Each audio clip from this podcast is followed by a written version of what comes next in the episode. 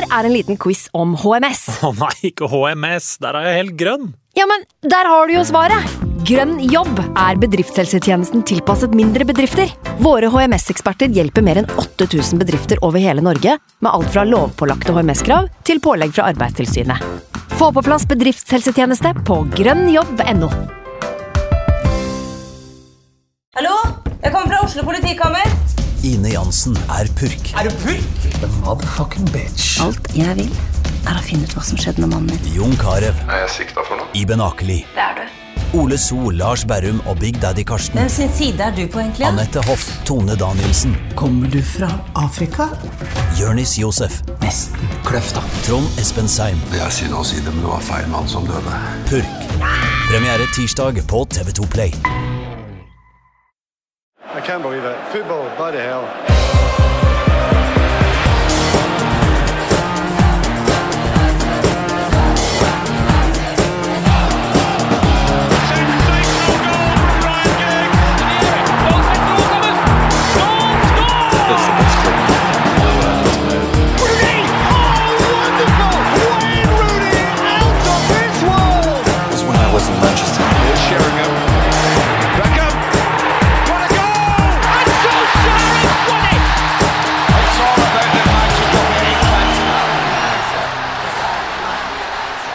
Velkommen skal du være til en ny utgave av United We Podcast. Endelig er vi tilbake i podkaststudioet. Det er veldig veldig deilig. Get in! Get in!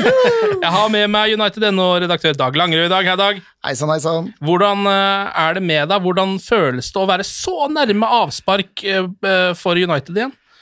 Jeg kom ned hit i joggebukse, som jeg akkurat eh, sa, men jeg tror neste uke så blir det vanlig bukse bare fordi vi nærmer oss litt. Det, er, det er helt fantastisk. Jeg vet at mange snakker om alt dette her med koronavirus, eh, at England kanskje ikke har helt kontroll og sånne ting, men nei, utter eller lutter glede altså bare over at vi er tilbake neste uke, for det Bundesliga, Haaland, tomme tribuner der, det er ikke helt det samme som Premier League, altså. Nei, og jeg har også Sebastian Brynestad eh, med meg. TV-fjes, eh, hurragutt og impresario. Eh, Hva, hvordan, hva tenker du om å se Manchester United få tomme tribuner? Vi fikk jo sett én kamp var vel mot Lask Linz der. Ja. Odion Igalos store kamp, som jo blir noe av det samme som det vi får nå, da. Ja. ehm, hva jeg tenker om tomme tribuner? Jeg tenker at nå er på en måte fotball eh, Det har jeg gledet meg så mye til nå, at eh, bare det blir Premier League eh, Altså, vi har jo hatt metadon, som du snakker om, med Bundesliga, men nå er det snart heroin i disse årene igjen. Jeg blåser i at det ikke er bråk. Jeg tror det kommer til å bli nok glede og bråk hjemme. Jeg, tror det, det blir interessant å se, da, uh, syns jeg. Som du ser litt i Bundesliga også, det føles liksom ut som de gjør en At de gjør mindre innsats, de gjør jo ikke det, men det Nei. føles ut som at uten publikummet så er det et annet type fokus. Jeg tror du mister en del av det draget, så er litt sånn redd for det. Mm. Altså der hvor du, Hvis du får 1-0 i sekken tidlig, da, hvor, er gutte, altså hvor er det som skal løfte opp? Men jeg regner med at det er en del eh, gutter der med eh, tenning som er klare for å gå for glory, så jeg håper og tror at det blir deilig. Så får du heller sette på litt contentum hjemme. Ja, for det er jo, Du har jo litt rett i at det blir jo som å eh, på en måte se på en standup-komiker, og så er det ingen som ler av vitsene hans. Eller sånn som det har vært nå i det hele tiden. disse- Altså livestream standup. Jeg tror ikke det blir så gærent med fotball. For fotball er da enda fotball, men standup uten massesuggesjonen latter, det er vanskelig medie, altså. Ja, det er det, og det, for jeg har også sett litt på Bundesliga, eh, og da blir det jo litt sånn at man faller litt ut og inn av matchen. Det skal være enormt høyt nivå for at man skal liksom uh, sette pris på fotballkampen tvers igjennom. Men jeg lurer veldig på hvordan det blir nå som det er Manchester United, hvor jeg på en måte uh, uh, nesten får hjerteinfarkt for hvert spark på ballen vanligvis. Og da er det folk der. Hvordan liksom er det nå, da? Når du skal sitte hjemme i stua, tror du du kommer til å heie ekstra sjæl, kanskje? Bare prøve å høre, late som du hører det? Eh, jeg tror jeg er såpass realistisk, så jeg skjønner at det jeg driver med hjemme her i Norge, selv det jeg skriver på United.no, dessverre ikke påvirker altfor mye. Men uh, nei, jeg tror det blir noe helt annerledes med United. Eh, Så er jeg litt mer usikker på Han har ikke sett på hele kampoppsettet for alle de andre kampene, men uh, Southampton-Burnley på en tirsdag Jeg Ja. tror fortsatt at det blir litt på mobilen innimellom da. Så det, Ja. Men United, der er det noe eget. Du merka det på Lask Lins. altså det betydde noe, og selv om den på kampen ble lett, lett da, så har vi, nå går vi rett inn i Champions League-drama med en gang med Tottenham og Sheffield United på de to første kampene, og så er det alt det der med om vi funker vi, ikke sant? Det gikk jo så utrolig bra rett før eh, pausen, så liksom, hva henger igjen av det? Jeg tror fortsatt at det er litt sånn skjørt, at hvis du skulle komme dårlig i gang da, så tror jeg for det er lettere å miste det momentumet man hadde nå fordi det har vært en pause og sånn, hvis man blir litt usikker, men eh, Så jeg bare så, håper bare så inderlig at eh, det setter bra i gang, da, det tror jeg også det er muligheter for, men uh, you never know, da. Det er den Ja. usikkerheten den ligger der nå. Ja. Altså, altså Her har du jo også et eh, litt altså Bundesliga, det er mye breile produksjoner der og sånn også, selvfølgelig. Men Premier League det er en helt egen greie i Norge. Det er pre-match, studioet, praten, gamle bilder fra gamle oppgjør. Jeg tror vi skal få lada oss ganske godt opp, og så er det to ganger 45 hvor Ja, når du zoomer ut, så hører du ikke crowd-bussen, men det tror jeg vi klarer oss. Men, men langrenn har jo i mange år gjort at du hører jo publikum gjennom hele løypa, for de har jo faktisk en keyboardist som sitter og gjør det. Er det det? Uh, ja, det er jo som legger på skilyder og sånn. Det er ikke noen mikker ute i sporet der. Nei. Det er en fyr som sitter og legger på contentum i den. Selvfølgelig publikum er der jo, men eh, det kunne vi jo eventuelt gjort hvis det blir for skralt. Ja. Jeg, tror, jeg tror United, Old Trafford-rammer og kampoppbygging Jeg tror vi kommer til å få det hyggelig, jeg, dere. Også en av fordelene for Manchester United, og sikkert også for flere andre lag, da, annet Tottenham, som United skal ut mot, er jo at uh, United for første gang siden jeg vet ikke om jeg kan huske sist, uh, har en skadefri tropp. Altså Det er ingen skader, det er ingen suspensjoner, det er ikke noe sykdom. De kan velge mellom alle spillerne de har. Um, og den som jeg på en måte er jo da mest spent på, er jo Paul Pogba. Kommer han til å gå rett inn på det laget? Mm, Det tror jeg ikke. Nei? Jeg tror eh, vi kommer til å se Scotty McScottface og eh, en bygging rundt det å ha noe Bruno. Kanskje. Altså, vet, du hva, vet du hva, det er kanskje bedre for deg å svare på, Dag. Ja, ingen, det er vel en grunn til at United kanskje ikke sendte denne internkampen, altså i den grad de prøvde noe eller testa noe. Da var for så vidt Bruno og Pogba på, på hvert sitt lag, da. men jeg, jeg er fortsatt også veldig spent på det. og Det er ulike typer kamper som dere er inne på. ikke sant? Tottenham borte. McTominay må jo spille, vil jeg tippe. Han er en sånn toveismann. Ja. Og tør du å spille med Pogba og Bruno eh, Nå har jo det laget funka kjempebra uten Paul Pogba i perioder. Ja, ja, så på en måte med mindre de har funnet ut noe, så syns jeg liksom det virker skummelt å være for offensive. Da. Eh, Mm. Har, de har jo fungert den måten de har spilt på mot de beste. Mm. Altså med fokus på tempo, men det er jo det er vann i munnen av å tenke på at faktisk Paul Pogba og Marcus Rashford er tilbake. Altså det er, vi har spilt uten de da, de siste månedene når det gikk så bra. Mm. Altså Vi snakker om I går var Marcus Rashford verdsatt som verdens femte dyreste spiller, så jeg en oversikt. Ja. Eh, Paul Pogba har jo på slutten av kontrakten, så han er noe helt annet, men han er den eneste superstaren egentlig, da. Og de to er tilbake. Altså. Ja. Se på de mulighetene. Det føles jo som om vi kommer i gang ordentlig mot Tottenham, så kan vi bare rulle i gang da, over dette her, og da klarer vi topp fire også. Før tar vi Chelsea på slutten. Ja, det Så sånn at det ikke blir snakk om det City-greiene. Og uansett da, om de starter sammen eller ikke, jeg tror nok på sikt at det er en plan der hvor de skal spille på hver sin eh, Eller i hver sin posisjon på midten her. Mm. Det tror jeg nok. Men uansett om de starter sammen eller ikke, så kommer det til å være en Pogba på benken. Og det er ikke noe dårlig våpen om det skulle lugge litt utover. Nei, og så har du det, det, det er liksom forskjell på Tottenham og Sheffield United, som er de to første, og så får du denne rekka her med Aston Villa og Southampton og noen andre kamper hvor du på en måte er venta å dominere, da. Så Ja. jeg ser liksom mer for meg at, vet du hva, vi har bare enda mer redskaper i denne verktøykassa vår, da. Til å bryte ned lag, og så gjør vi det litt på forskjellig, og så betyr det kanskje at Pogba spiller der og Fred spiller der. Men hvis de spiller nok, så tror jeg de kommer, og United gjør det bra, så tror jeg de fleste kommer til å være relativt happy, altså. Ja, Det er vel kanskje naturlig å tenke at de kommer til å fortsette med suksessoppskriften Fred og McTominay og Bruno da, på, på midtbanen, kanskje mot Tottenham eh, først og fremst. Eh, ikke ta noen sjanser, på en måte sånn sett, siden McTominay også passer inn i de kampbildene der. Og så kanskje det blir da trenger mer kreativitet mot de lagene som ligger dypere, som eh, Southampton osv., og, så videre, og få inn Pogba da. Få se hva som er planen til Ole Gunnar Solskjær. Men du var jo innom den her internkampen, Dag. Den allerede myteomspunne internkampen eh, på Old Trafford mellom United og United, eh, som da ett lag i hjemmedrakter og ett lag i bortedrakter. Um, jeg synes, altså, nå vet, ingen som vet om kampen har skjedd. For det er liksom bare noen rykter om at det har vært en kamp. Uh, så det er, jeg er litt fascinerende. Og der var det da visstnok uh, på det røde laget, altså hjemmelaget, hvis vi skal kalle det det, så spilte da Rashford, Pogba, Lingard, Matic, Angel Gomez, eh, Brandon Williams, Tai Chong og Harry Maguire blant annet. Mens Bruno Fernandes, Juan Mata, Fred, Marcial, Tuan Sebe, Daniel James og Aron Van Bissaka eh, var på bortelaget, da, i anførselstegn. Um, hvilket lag kunne du tenkt å spille på? Eh, Det, det siste.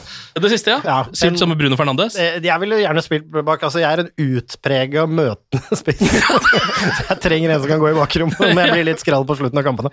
Ja, det, men altså her var det da eh, David Hea i mål for bortelaget, visstnok. Romero sannsynligvis da for eh, hjemmelaget. Eh, og på Twitter så går da ryktene om at denne kampen endte 4-4. Eh, Marcus Rashford skårte hat trick for hjemmelaget. Pogba skårte det siste.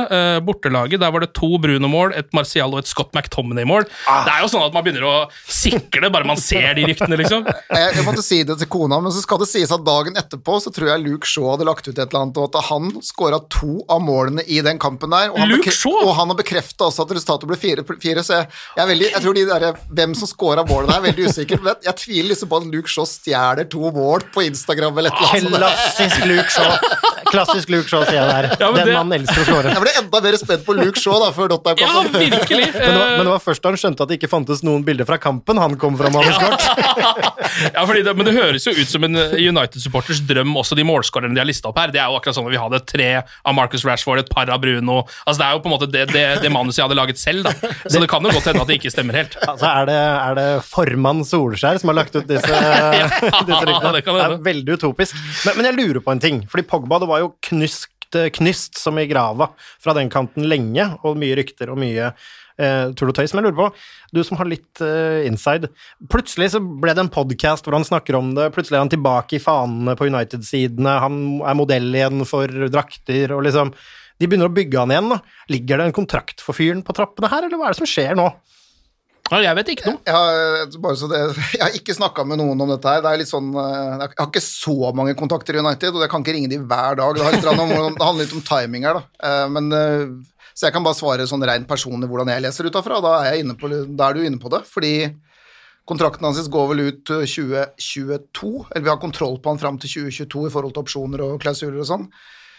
Det er usannsynlig at United lar Paul Pogba spille altså gå ut kontrakten når han har vært 50-100 millioner, eller 100 millioner da Ja, nå. han skal selges for penger. Han skal antageligvis selges for penger hvis han skal bort, så jeg, jeg forventer jo egentlig at det må gjøres et valg, da. Og det er derfor jeg blir litt sånn, jeg blir ikke helt klok på disse, jeg vet ikke om du kommer tilbake til Donny van de Beek seinere her, ikke sant, fordi hvordan skal du få plass til dette her? Og jeg vet at jeg er ikke noe redd for å ha mange gode spillere, det er ikke det, altså, men det er bare sånn Du kan ikke ha fem spillere som forventer å være førstevalget. Det handler litt om å sette sammen riktig gruppe her, da. Så jeg er fortsatt veldig spent på hva som skjer med Paul Pogba, men alt tyder jo på, etter koronaviruset kom, at liksom ting har forandra seg.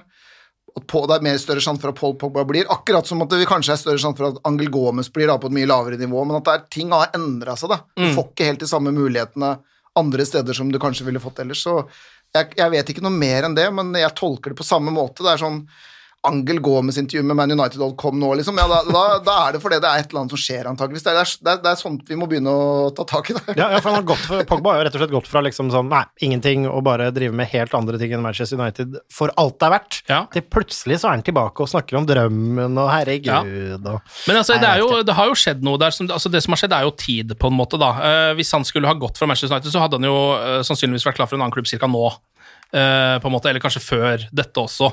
Um, og det skjedde jo ikke. Nå vet han at han må være der til sesongen er over, som jo han jo ikke helt vet når det er, men la oss si det er Er det snakk om september, oktober eller noe sånt, nå, er det ikke det? Hvor de skal ha spilt ferdig alt sammen, da. Uh, og det er jo på en måte sånn, jo, sånn Det er på en måte en halv sesong i en fotballspillers liv som blir borte her, da. På et eller annet vis, hvor han bare har vært på trening eller vært i svømmebassenget, på en måte. Det kan godt hende det er såpass enkelt at da, da på en måte er han der han er og skjønner at nå er det et ekstra halvår til jeg får kommet meg noe sted, uansett hvor det skulle være. Må kanskje fokusere på dette, og så tror jeg samtidig at han har begynt å se noen av United-kampene da, som var før dette skjedde, at han ser at kanskje dette her faktisk er et lag eh, som kan få suksess hvis jeg blir her noen år til. Ja, og det kan jo vært en munnkurv involvert her også. Vi vet jo ikke helt uh, hva som skjer. Ja, altså vil jeg bare understreke det jeg mener. Altså, man kan kalle ønske Paul Pogba bort, det skjønner jeg at kanskje at noen gjør, men jeg tror at fyren Han virker ikke så avansert at det, Jeg tror, tror det eneste han er ute etter, er et godt fotballag å spille på som kan kjempe om Champions League-tittelen og Premier League-tittelen eller La Liga-tittelen eller whatever der han er, da. Ja. Det er det han ønsker. Han elsker å spille det. fotball, Ja. så hvis du på en måte gir han de riktige det riktige laget rundt seg, da. Men han er ikke den spilleren som vi har snakka om før. Han, ble ikke den spilleren som vi kunne bygge laget rundt og liksom kunne være ledestjernen, men hvis han kan komme inn på et lag hvor det er andre ledestjerner, og han kan bare være Paul Pogba på sitt beste, så får du en fantastisk spiller i et fantastisk lag. Så spørs det om vi i dag blir det laget og er gode nok til det, men Og det ser ut som vi kan bli det da! Ja, det gjør det. det, gjør det. Og eh, la oss snakke om det du nettopp eh, nevnte, Dag. Eh, Det har jo kommet noen ganske heftige overgangsrykter rundt eh, Donny van de Beek nå, eh, Ajax-midtbanespilleren. det var vel eh, sjølveste Edvin van de Saar som var ute og bekrefta at United faktisk var litt keen på fyren. Eh, og så har det da kommet også noen eh, rapporter fra Madrid eh, om at de ikke kommer til å kjøpe han, eller det har vel faktisk kommet fra van de Beek Beck-leiren, så vidt jeg har skjønt. eh, At Real Madrid ikke kommer til å kjøpe han nå, da, i dette overgangsvinduet som er. Og da eh, styrkes jo eh, ryktene rundt Manchester United, selvfølgelig, som jo har snust på van de Beek, så vidt vi vet, før også. Um, hva tenker du om dette? da? Nå har jeg, altså, Det jeg har sett av Donny van de Beek, er stort sett i Champions League når Ajax har vært verdens beste fotballag. Jeg har aldri sett han i en helt vanlig fotballkamp. Hvor god er han, liksom? Altså, han, han er vel han er, altså jeg, dette, dette kjenner du til, Ken, at mye av min uh, fotball altså av, de lagene som ikke Ja. spiller i de største ligaene, det kommer fra Fifa. Ja, dette får du også kritikk for, må du vite, i Det- kommentarfelter. Jeg har aldri lest et kommentarfelt i mitt liv, så er det bare å fortsette med. Mye personlig hets der, kjør på. Uh, Men, uh, men, eh, men igjen, altså, det er tydelig da, at han, han kommer på Teams of the Week mye, og så da har jeg gått og sjekka han straks United-interessen kom. Så det føler noe med, eh, noe med seg. Han har jo noen helt sinnssyke prestasjoner. Det er ingen tvil om det. Det er en grunn til at det har vært interesse fra Real Madrid. Men dette føles jo litt sånn ut som altså Konspirasjonsteoretikeren i meg føler at jeg har hørt dette før. En veldig god spiller.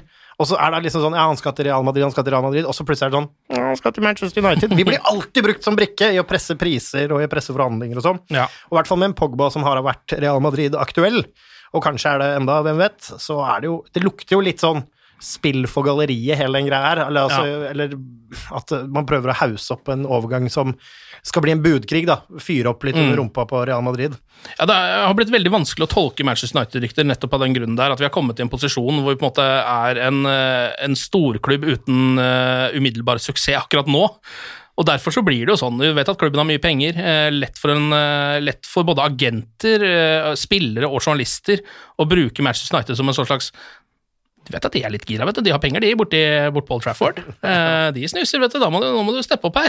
Ja, ja. Så veldig vanskelig å si. Jeg, jeg, jeg tror ikke det er noe tvil om at vi United har hatt han på blokka, fulgt med på han og alt det greiene der. Og når van der Sar sier det han sier, så tror jeg kanskje at det ligger litt mer enn det ellers ville gjort. Og Ja. det skal også sies at et par av de ryktene, ryktene kommer jo ikke fra Det er ikke det det Sun eller en eller annen luguber spansk avis eller whatever. Det er jo The Times som var på søndag nå og sånne ting. Så det er på et visst nivå. Men jeg også, vi snakka om det i United.no-redaksjonen i dag, at det, det lukter litt grann av det der med at det prøver å presses fram på en måte action fra Real Madrid da, i forhold til det hele, og at vi blir brukt litt. Grann, for det, du nevnte jo det med at det eh, Real Madrid skal ha trukket seg plutselig, men eh, når jeg kikka bare igjen på litt sånn lugubre sider i dag, og, og så var det plutselig mye om at nei, nå var de tilbake, og var de tilbake på banen igjen. Så det er liksom Ja. det er så mye her, så jeg, jeg, jeg føler ikke helt at jeg stoler på det. Og så er det det der med Hvis Pogba blir, da, Ja. så har du Pogba, Fred, McTominay og eh, Bruno Fernandes som kalles sentrale midtbanespillalternativer. Matic forsvinner ut etter neste sesong. Mm.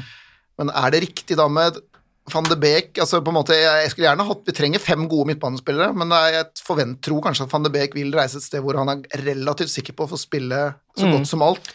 Så ja, det, er, det er flere ting som ja, Du brukte det vel riktig i stad, som på en måte ikke helt passer i hop med denne overgangen her. Ja. Men uh, vi får se. Men allikevel, da. En Matic på vei ut, så er jo van de Beek altså Et rent bytte der, da. Matic ut, van de Beek inn. Så vil det, det vil jo i seg selv liksom være en sånn en no-brainer, eh, Ja. sånn sett. For han har jo veldig gode defensive egenskaper, han van de Beek også, så gjør det bra liksom som den Ja. som rydder opp på midten der og holder på. Men der er jo Scotty McScottface, ja. uh, som er ung og fremadstormende. Men, men det burde jo være plass i United, men som du nevner tidligere, det kommer til et punkt da, hvor du sitter med en pool uh, uh, midtbanespillere som alle forventer å spille førstevalget, og da kan det bli mye sure miner, og det er vi ikke interessert i. En annen ting som jeg tenker på, er jo at eh, jeg har, eller så har en følelse av at, og tror nok, at uh, den situasjonen som alle fotballag har vært oppe i nå, og hele verden har vært oppe i, gjør jo også at det er ikke like mye penger man kan bruke i dette overgangsvinduet, tror jeg. Altså det, det ville vært veldig rart hvis det var det. Hvis man ikke tar noen av de uh, transferpengene og putter de i andre ting man har, der hvor man har mista penger, da, rett og slett pga. sånn det har vært. Eh, og vil det da være på en måte rett å bruke de pengene på en posisjon som allerede er ganske godt bemanna, eller vil det være greit å bruke det på noen andre posisjoner, tenker jeg da. Det er vel én som en posisjon, en viss høyrekant der, som vi skulle hatt inn altså, Jeg bare kaster ut navnet Jaden Sancho. Ja. Hvor blir det av ryktene i dag? Ryktene er vel litt sånn er det mange er det, er Hvor blir det av bekreftingen? Er det- Ja, nei, Jeg har også skrevet det samme i flere kommentarer på United.no, at eh, altså, alt passer så bra. Og så er jeg litt redd for det der med at tenk om vi ikke får den, da. For det, det virker som United har posisjonert seg så bra før koronaviruset til at det skal skje i sommer. Ja. Så jeg er bare så redd for at United pga. situasjonen ikke kan få gjort det, og da kanskje alt endrer seg, da. Mm. Og at han forsvinner. Det betyr ikke at jeg kan garantere at han er en suksess, og jeg kunne sikkert snakka masse om faktisk et par eh, innvendinger mot typen Jadon Sancho også. Det er ting som ikke henger helt på Som ikke er helt sånn der eh, Bruno Fernandes, da. Ja. Vi hadde en Sancho, men fytte rakkeren for en spiller. Han er på sitt beste Ja. i, bon i Champions League, Bundesliga selvfølgelig, der, men der kan jo alle gjøre det bra. Han er jo en litt luksusspiller, det har man jo sett nå også, eh, når han har spilt for tomme tribuner for Dortmund. Eh, han er ikke den som, eh, når han mister ballen, løper rett tilbake og sklir ned og prøver å vinne igjen, sånn som Bruno Fernandes gjør. Det er ikke den samme type innstilling han har, men så har han også noen helt enorme kvaliteter. da. Ja, altså, du kan ikke, altså, bare så det er klart, altså, Når jeg sa det, så er det Det kommer langt ned i saken min, altså, for du snakker om en som leverer liksom to-tre målpoeng i snitt per kamp eh, hvis, han, Ja. hvis han spiller 90, da. For nå hører jeg det rasles med sabler borte hos eh, Dortmund We Podcast. Ja, ja, der er det dårlig stemning nå. Men, men det, det, det dukka jo plutselig opp et, eh, et veldig sånn blitskjapt Stirling-rykte her. Å, det har ikke jeg fått med meg engang. Eh, Det fikk det av eh, min venn Hedman, bare nevnte mm. det. Ikke noe sånn 'dette skjer', men plutselig så var det liksom at noen skulle ha snust på at Stirling, siden han ikke fikk spille Champions League, og at eh, Bernardo Silva på en måte var eh, over han da, i posisjonen, at han begynte å lefle med en snus bort på United-overgang. Å, ja. Altså, det forsvant like fort som det kom, men det har ligget og murra lite grann. Er det noe der, eller har du hørt noe om det? jeg husker faktisk ikke hvem som hadde det riktig. Jeg, jeg leste det, men Ja. jeg tror det var én dag det sto. Om det var en søndagsavis eller fredagsavis eller litt hvordan det var, det husker jeg ikke. Men ja, Sole Gunnar Solskjær skal hente en eks-Liverpool- og Manchester City-spiller til det prosjektet her, med den typen han prøver å det, altså, Jeg tror ikke Ram, Ram Sterling har snakka så mye dritt om United. Han er ikke har ikke vært en sånn type. Han har jo stått opp mot rasisme fantastisk egentlig eh, den siste tiden, eller de siste åra, egentlig. Eh, Men jeg syns det bare Det er så mye det er, Hvis du snakker om Donny van Beek-skurrer Altså, hallo, Sebastian, der er det bare å Og tenk deg den overgangssummen man skal hive over byen da, for å få Raheem Sterling. Altså, da begynner det å bli sånn, da begynner det å bli sånn verdensrekordovergang og sånn. Og det, ja. Men, men etter at Pep Guardiola lærte Sterling å løpe, så må jeg jo si at eh, han er beundringsverdig ute på kanten der. Altså. Ja, men han kan fortsatt ikke helt skyte, og det har vi takke for i visse kamper, for det, det kunne vært 5-0 et par, Ja, det, er, det er veldig sant. Og, og, men han, får det, han kommer til å bli bedre, fordi er det en som har den mannen i lomma på på trening da, så er det Van Bissaka. Og han skal Ja. få jobbe hardt for å få, få noen goals på trening. Ja. Ellers så er, er det jo også rapporter om at Ray, Raheem Sterling sier noe fordi du sa det. Chris Smalling, en helt annen fyr, um, har lyst til å fortsette i Roma, forståelig nok, fordi der har han fått seg en slags renessanse. Han har blitt fast på laget og spilt bra. Um, og det vil jeg jo skjønne hvis han har lyst til å bli der. Um, en annen, liksom, et annet utfall ville jo vært at han spilte såpass bra at han gikk inn i førsteelveren til United igjen, men det er vel ikke snakk om det heller, tror jeg. Her er vel spørsmålet enkelt og greit på Loffen, da, eller Lindløf, og, Mm. og om Bailly kan være skadefri. Eh, Så senest i dag også Hedman som sendte bare en video av Chelsea-kampen til Erik Bailly. Hvor det bare går opp for deg at der har du en av verdens beste stoppere når han er i form. Men klarer han liksom, blir han Klarer han å holde seg skadefri, så, så er jo det spørsmålet. Og klarer Lindløf å ta det siste steget for å bli makkeren til øh, øh, Oi, nå står det Harry Maguire. Harry Maguire. Mm. Det er jo det store spørsmålet, og, og han har jo hatt en kjempesesong, eh, Chris Malling. men jeg synes det er dårlig gjort å ta fra Chris Malling dette her, altså for å være empatisk med fyren. da. Nå har han endelig funnet seg til rette, han gjør det bra, kommer inn på Var han på årets lag i år? Det vet jeg ikke. Uh, uansett, da. Og så skal han tilbake og stå og dytte bak i rekkene i Manchester Ja, igjen. nei, han burde nok kanskje rett og slett bli Det er vel best for hans karriere, tror jeg.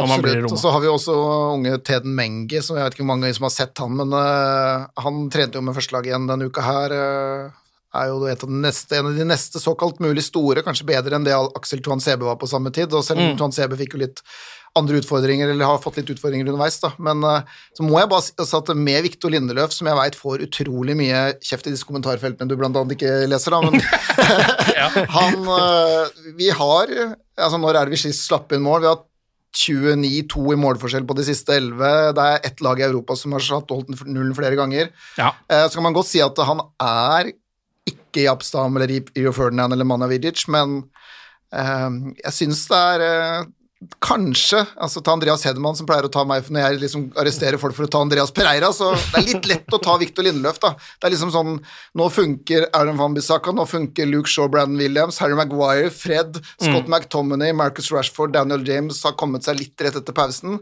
og så har du Martial som leverer sånn noenlunde. Da er det egentlig bare Victor Lindeløf som kan tas, da, så jeg syns det er en litt nesten sånn lett å ta han. Ja. Eh, så Hvis man ser på han som en del av et maskineri, så funker jo det maskineriet bra. Altså Forsvarsrekka til United det funker jo bedre enn det har gjort på veldig lenge. Ja.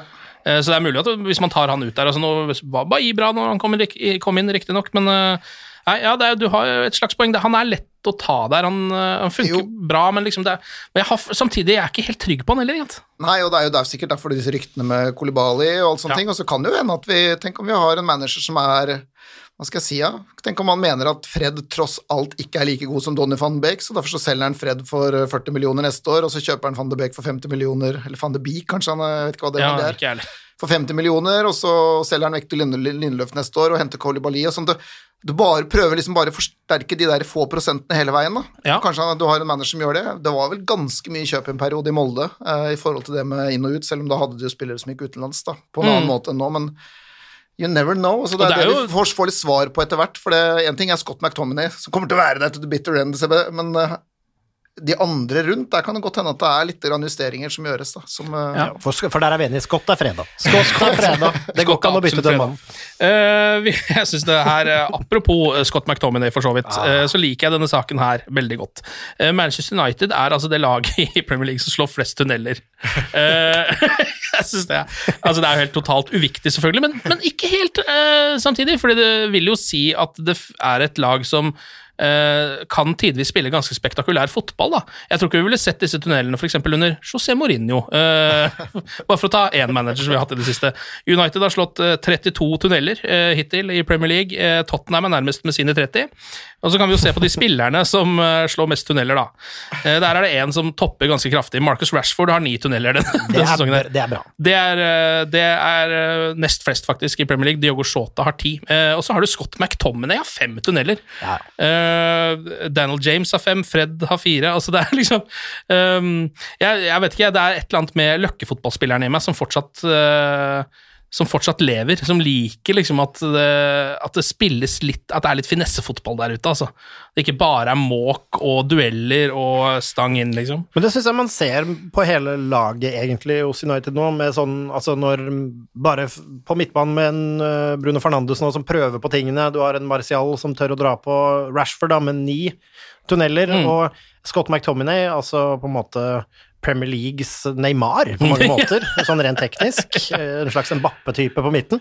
Eh, Og eh, jeg tror det er en del av underholdningsgrad. Det begynner å bli selvtillit, og at man ser at det kommer. Det er ikke den Mourinho-maskinelle banke på, da, som du nevner. Jeg, jeg liker jo det, da.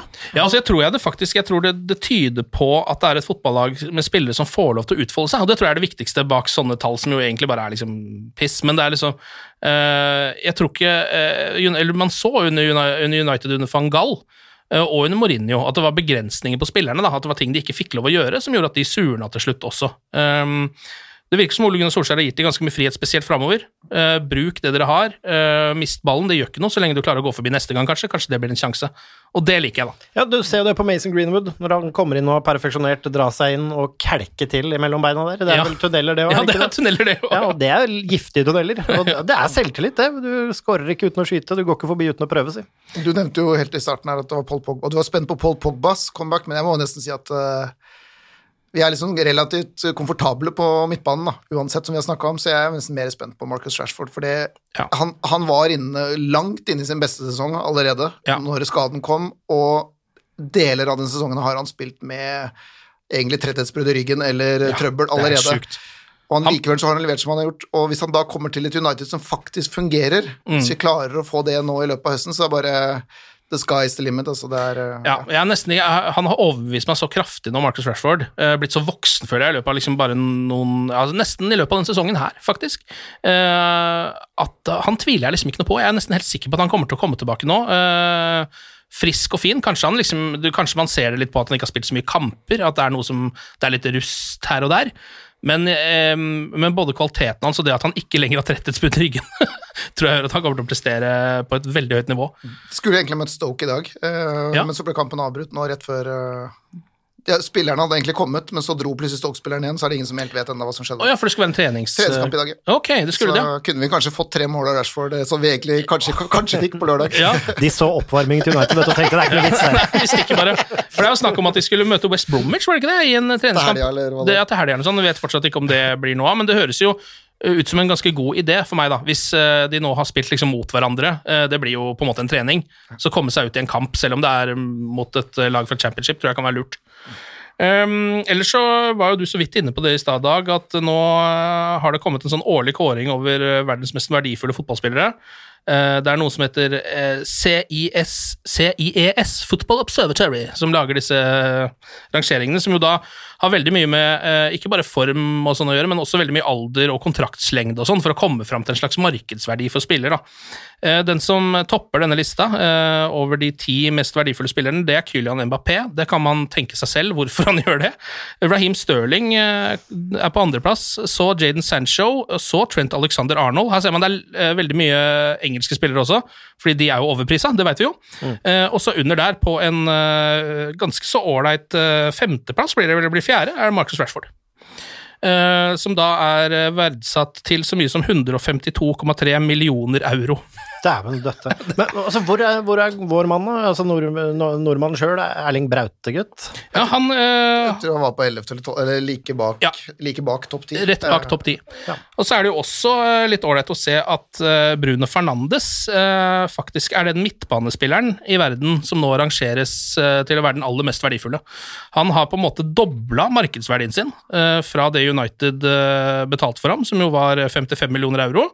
Eh, Nå er han oppe på 105 millioner euro, eh, verdsatt til det, da. Altså det, og det henger så på greip. Han kommer rett fra en klubb hvor han har dominert og vært så fantastisk god. Han bare går rett inn i United i Premier League og gjør nøyaktig det samme og tar styring og lederskap. Ja. Altså, det er så imponert. Han, altså, det er så gøy å ha Bruno inne. Det gjør at det, altså, han er liksom mange gode spillere og Rashford og hele gjengen som man gleder seg til å se igjen, men det jeg gleder meg aller mest til, er å se han smørblide portugiseren der danse fotball. Da har vi akkurat snakka om liksom, vi, ønsker, vi gleder oss så utrolig til å se alle spillerne på hele laget. ikke sant? Jeg begynner til og med, altså jeg gleder meg til å se Luke Shaw. Altså, se hva han kan finne på ute på venstre, venstre bekken, Husker dere når Luke Shaw ble tynn? Ja. Å, herregud, etter det så har du bare sett oppover. Han er god! Han er Ja. så god! Også, ja. Han er litt sånn unsung hero til tider, syns jeg. Han har tatt helt enorme steg. Ja, og så er det jo sånn spesielt at vi, vi harselerer jo erteren jo fortsatt, men han, det var jo mannen som ble kåra til årets spiller i United i fjor. Ja. Og som i tillegg faktisk har tatt nye steg nå etter at han, han var jo skada i høst, men så kom han tilbake og så tok han nye steg nå under Solskjær, så han har jo egentlig levert over litt tid nå også, etter den skaden, så men likevel så klarer vi ikke helt å kvitte oss med det der, et lite sånn feriebilde, så er han solgt, ikke sant? Men det er endelig han liksom endelig begynner å dominere på bekken, og så kommer Aron Van Bissaka inn og gjør bare helt sånne fantastiske ting. Ja. Og må, vi må innrømme at hvis Bissaka får innleggsfoten på plass Holy crap. Ja. Jeg nevner igjen at uh, han har flere assist i Open Play enn Trent Alexander Arnold i kalenderåret 2020. Da, da, da vet jeg at nå griner vi etter halmstrå her, men vi tar det vi får. Jo da, men det er en utvikling der. Det begynner, det er sakte, men sikkert så blir det bedre, det der òg. Jeg klamrer meg fast i de stråene. Uh, uh, Go long for the ride! Ellers når det kommer til europacupene, så har de vel nå funnet ut at de skal eh, avgjøre de ved sånne små miniturneringer, eh, så vidt jeg har skjønt. Jeg vet ikke om dette her er bekrefta ennå. Eh, Neste uke skal det bekreftes. Neste uke skal det bekreftes, ja. Men det er i hvert fall det eh, som er planen inntil videre. Um, og de skal da foregå i én by, uh, både for Champions League og for Europaligaen. Det virker vel som Champions League blir Lisboa, så vidt jeg har skjønt. Um, fordi de har gått med stadioner, ikke så høy smitte osv. Det er en helhetsvurdering som er gjort der. Um, når det kommer til uh, Europaligaen, så er det forskjellige byer som har dukka opp. Frankfurt er en av de. Um, men jeg eh, tenker først og fremst på eh, Det blir jo helt enormt eh, både spennende og annerledes å sette seg ned f.eks. en helg da, hvor de skal avgjøre Europaligaen, på en måte, eller over en uke, eller hva det måtte bli. Og det er kamper annenhver dag med Manchester United fra én by. Det vil nesten føles som United spiller VM. på en måte. Jo, jeg tror det, det er jo helt genialt. Da. Nå ble vi jo snytt for et, et mesterskap denne sommeren. Ja. Så hvis vi får, nå får vi jo liksom lov å nyte vår uh, solpils og se Premier League-slutten, hvis vi nå får disse småturneringene i tillegg. Og så er det vel to år på rappen nå som det kommer noen store mesterskap. Ja. Dette blir fotballglede på høyt nivå, dette. Men, jeg, men jeg, jeg vil gjerne ha denne topp fire slash femteplassen som i Champions League før jeg drar til det sluttspillet, sånn at jeg veit at vi kommer til Champions League neste år. Altså fordi Ja. ja. nei, det, det blir det blir tøft, for det, er jo nok, det blir jo rene knockout-kamper, én match ikke sant, i disse byene. eh, I kvartfinale, semifinale, finale. Så du har tre, tre sjanser, og du må lykkes på alle. Du er ikke feilskjæra, ikke sant. Nei. Det er bare å gjøre seg klar for å se en blid portugiser sammen med en viss Scott McTominay og Ja. foreldrene hans som løfter det trofeet. Foreldrene kommer ned for å løfte det. De kommer for å hjelpe han å løfte. Eh, ellers så kan vi jo ta med oss den litt eh, triste beskjeden om at eh, en eh, United-legende eh, nettopp har gått bort. Tony Dunn eh, er død. Han ble 78 år gammel. En av spillerne som var med å bygge opp United etter München-ulykken. Og han har også spilt veldig mange kamper for United. Det er vel sju folk som har spilt flere kamper for Manchester United. Um, jeg vet ikke om det er en spiller som noen av dere har noe sånn spesielt forhold til. Vi er jo litt for unge til å ha sett Tony Dunn eh, spille fotball selv. Det er, det er litt sånn den typiske at man har hørt navnet, men ikke helt hadde peiling. Men Ja. når han først nå gikk bort, så da kommer jo videoene og Må innrømme at jeg blei litt rørt, ja, den Champions League-seieren mot var det, det var Benfica, var det ikke det? Eh, Ja. ja med Eusebio med, som gratulerer keeperen der og sånn, så den sammendraget. Det er jo en legende. Det er jo alltid trist når folk går bort, selvfølgelig, men Mm. da er det jo litt kult da, å se liksom historien. Og er det én ting jeg som United-supporter er glad i, så er det jo å se historiske bilder. Fordi vi har jo vært ordentlig gode opp igjennom, rett og slett. ja, det er ikke noe tvil om det. Ja, så var den jo på 41.-plass på denne lista vår, eh, Ja. til United.no over de største. Eh, Det var juryens liste, da. Mm. Eh, Og det, i, blant, I det selskapet så er 41.-plass ganske, ganske bra. Så det, jeg leste et par historier i dag, jeg kan bare dra de kjapt. for jeg når United reiste rundt på 60-tallet, så pleide det å stå at United eh, skal spille mot eh, et eller annet lag. Så var det liksom United med Best, uh, Law og Charlton etc. Og da pleide han alltid å smile når han så de skilta- og si bare at det er jeg, det er jeg som er etc.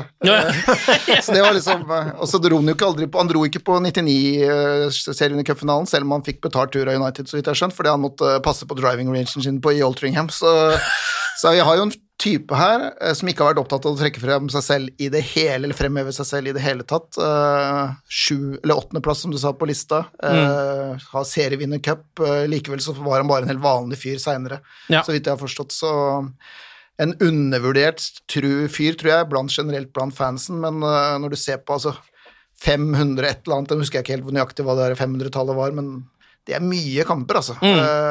det er langt foran Ole Gunnar og alle disse her vi har snakka om egentlig hver dag.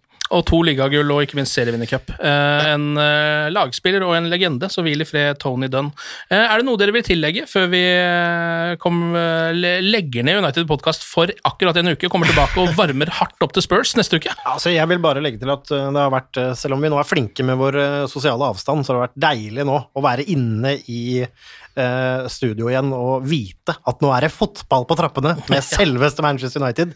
Gutta er skadefrie, og nå er jeg altså så gira! Nå gleder jeg meg! Nå gleder jeg meg, nå gleder jeg meg stort. Jeg har bare så lyst til at det skal begynne bra, for jeg føler Ja, du er litt nervøs du, Dag. Jeg, jeg vet, og så føler jeg liksom at vi fortjener det på en eller annen måte, for vi var så utrolig bra i gang, og jeg er ganske sikker på at vi hadde slått dem Jeg følte som om da vi hadde tatt dem uten koronaviruset den gangen. Ja, Spurs, ja. Ja, Ja. eh, så har Hadde- de fått tilbake, har fått, fått tilbake med noen spillere nå, og så håper jeg egentlig bare at vi får en sånn liten negativ greie for Mourinho nå igjen, for Del Alli er jo tiltalt. Mm. Eh, for det var vel denne rasismegreiene, var det ikke det?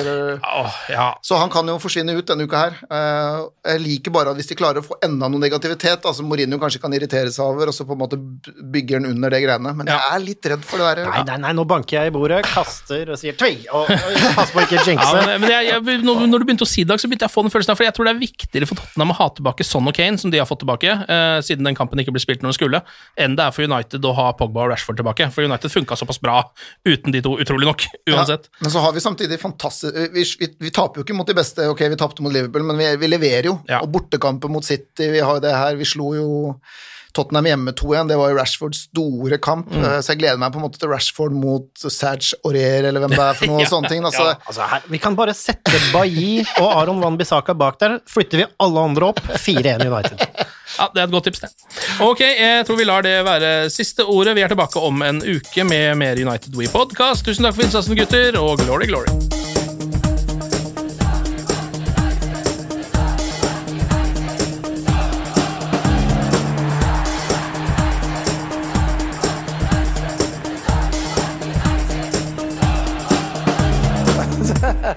Oh, it's true.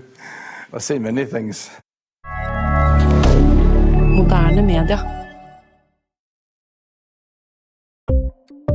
Ukens annonsør det er matkasseleverandøren Hello Fresh.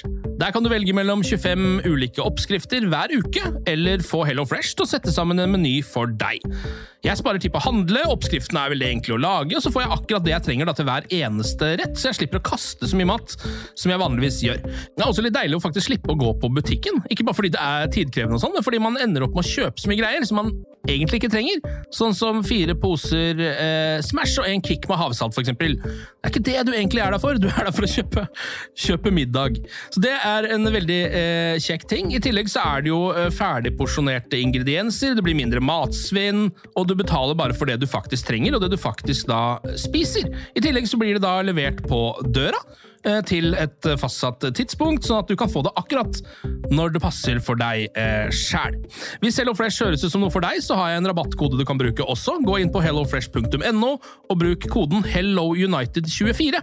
HelloUnited i ett ord, også 24, og få opptil 1779 kroner i rabatt på de fem første matkassene dine hvis du ikke har prøvd HelloFresh ennå. Du kan også bruke koden hvis du tidligere har vært kunde, men har stoppa abonnementet ditt for tolv måneder siden eller mer. Det er ingen bindingstid, og du kan pause eller avslutte abonnementet ditt akkurat når du selv måtte ønske. Husk koden HelloUnited24, og bon appétit! Ukens annonsør er Folio, en smartere banktjeneste for deg som har en egen bedrift eller ønsker å starte for deg selv. Folio er en superenkel nettbank for bedrifter. Som kunde i Folio får du en bedriftskonto med et bedriftskort og app.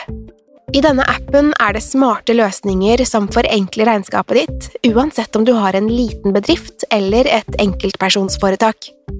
Folio er både intuitivt og brukervennlig, og er laget med et enkelt språk. I tillegg tilbyr de forutsigbare priser og ingen skjulte gebyrer. Skulle du likevel trenge det, så kan du snakke med deres raske og hyggelige kundeservice, og der får du prate med en faktisk person og ikke en chatbot. Folio er med andre ord både enklere og koseligere enn banken. Over 10 000 bedrifter har allerede valgt Folio som sin banktjeneste, så besøk folio.no og se hvordan Folio kan forenkle din hverdag også. Har du et enkeltpersonforetak eller en liten bedrift? Da er du sikkert lei av å høre meg snakke om hvor enkelt det er med kvitteringer og bilag i fiken, så vi gir oss her, vi. Fordi vi liker enkelt. Fiken superenkelt regnskap.